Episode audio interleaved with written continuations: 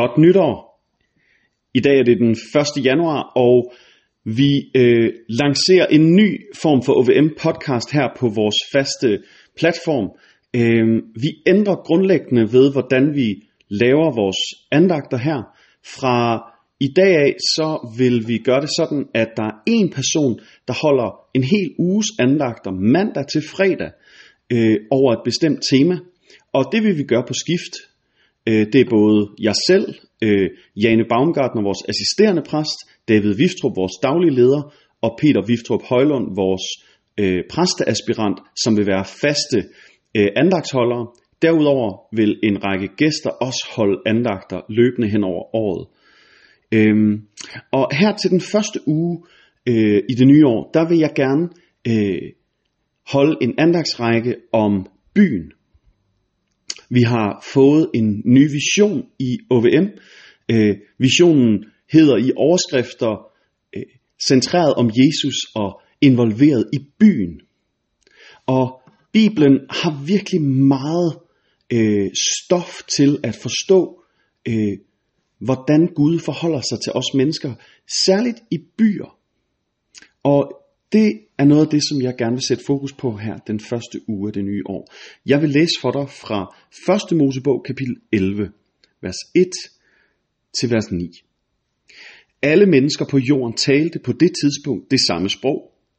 På deres vandring mod øst kom de til en dal i Babylon, hvor de slog sig ned. Vi får brug for mursten af ler, der er brændt hårde, sagde de til hinanden, for de var vant til at bygge med sten formet af ler og med tjære som mørtel.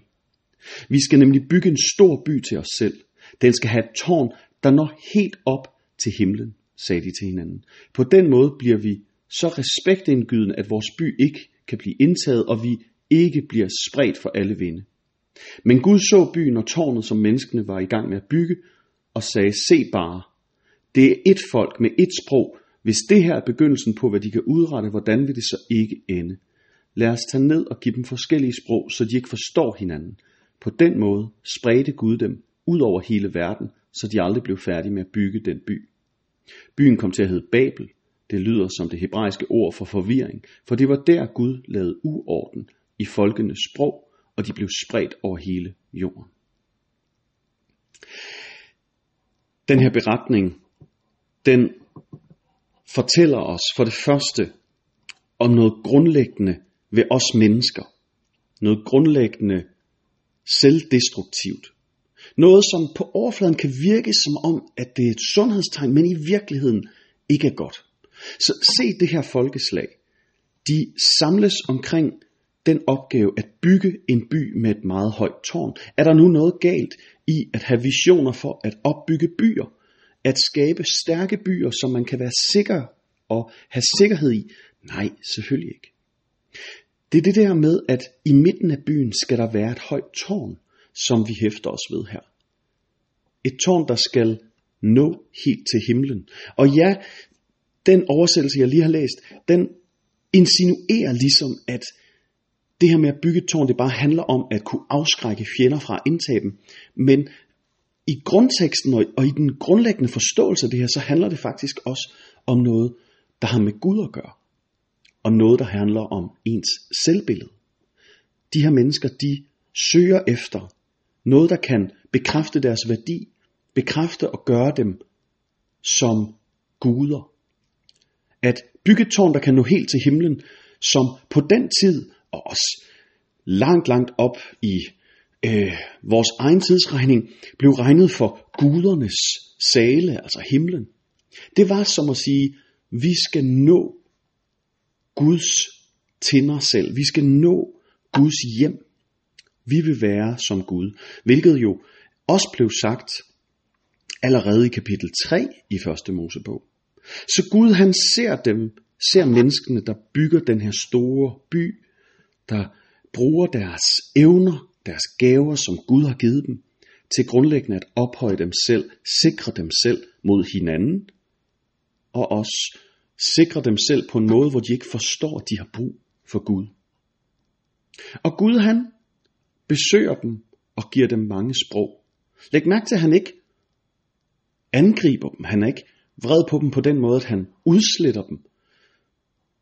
men han giver dem en forhindring, som gør, at de ikke kan nå i mål med det. Er det ukærligt af Gud? Det svarer lidt til, når øh, jeg sætter mig selv i vejen for, at min etårige ikke kan falde ud over øh, en skrant eller gå midt ud på vejen, at jeg stiller mig i vejen. Det er lidt det Gud gør. Han stiller sig i vejen her. Gud han er den Gud, som ikke mener, vi skal bruge vores evner og gaver på at opbygge os selv og gøre vores navne store, som der også står i den oprindelige tekst, at skabe et navn for os selv.